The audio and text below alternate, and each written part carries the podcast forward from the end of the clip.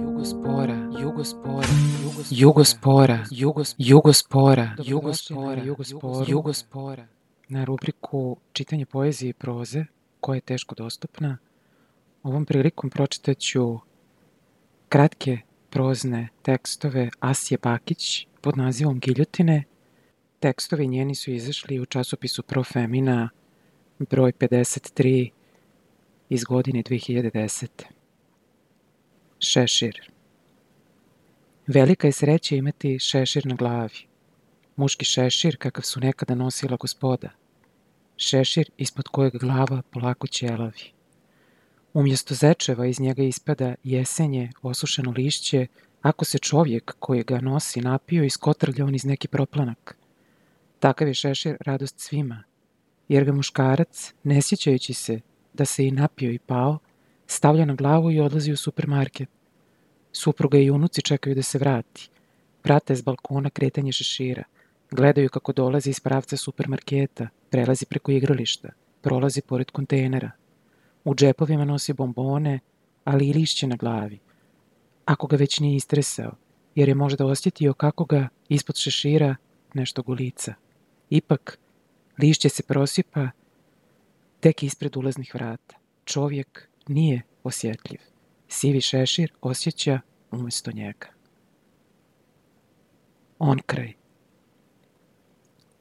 Rub šume je njezino omiljeno mjesto. Tu najradije boravi. S jedne strane čistina, s druge nepregledan niz.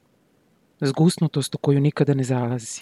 Mrak bio je rastegnuo pogled od grane do grane, oči joj činio šumskim raslinjem, tisinim otrovnim bobicama.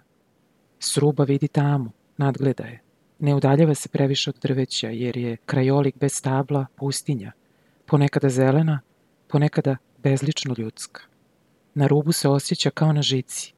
Posjeduje vještinu, zna kako. Da je drvosjeća, bila bi nesretna, ali ovako, to je najljepše mjesto na svijetu, taj rub, taj brit odrastanje. Svakog je jutra išao s bakom do njezine sestre. Prvo bi prošli kroz pijecu gdje bi mu baka kupila kifle koje je grickao putem. Tetka nije živjela daleko i brzo bi stigli. Dok su sestre razgovarale, igrao bi se ispod stola. Radovao se što su igračke kojima se igrao bile tuđe. Ako bi se koja pokvarila, znao je da neće biti kažnjen – vremenom je počeo uživati u igri, samo ako su igračke pripadale drugome. Najviše se radovao kada bi koju usput u žaru igre slomio. Stisak je vježbao na toplom pecivu. Giljotina Mrzovoljno razgovara o svemu što se ne tiče giljotine, o vremenskim prilikama, literaturi. Sve teme nerviraju i samo čeka trenutak kada bi mogla spomenuti najljepši ljudski izum, giljotinu. Ono obezglavljuje ljude i sagrađene poput žene. Klekneš, gurneš glavu i ostaneš bez nje, jer iznad je uvijek sjajna oštrica. Zbog nje, u ostalom, i klečiš, i kad si kriv, i kad si nevin. Vješala mogu biti zanimljiva zamjena omiljenoj napravi.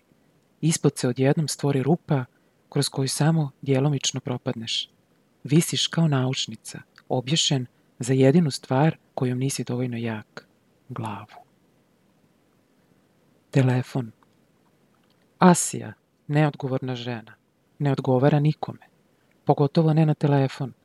Kada su ljudi prisutni samo glasom, ona strahuje i za sebe i za njih.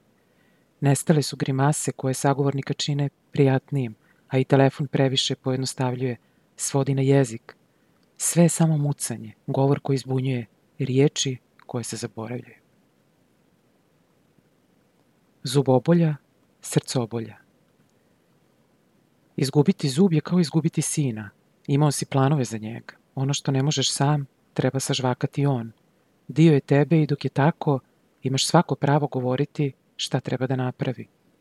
Kada ode, ostaje posljednji snimak na kojem se vidi blijedoća njegove nutrine.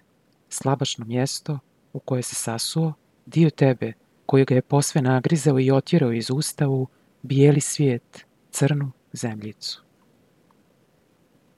Ljubavnik. Razmišlja. Nikada se nije popeo na takva brda. Magličasti vrhovi kao skrivene ideje mame ga da pokuša. Obuje svoje najbolje cipele, ušeto u maglu. Malo toga zna o drveću, ali o rečenici zna dosta. Sve to zapisao na papiru i na trenutak zastade.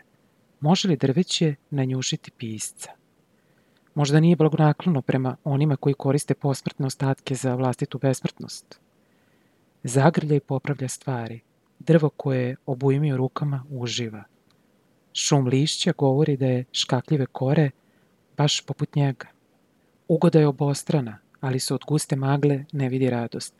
Pita se da li bi ikada mogao osjećati ljubomoru zbog nepokretne kolicljive kore.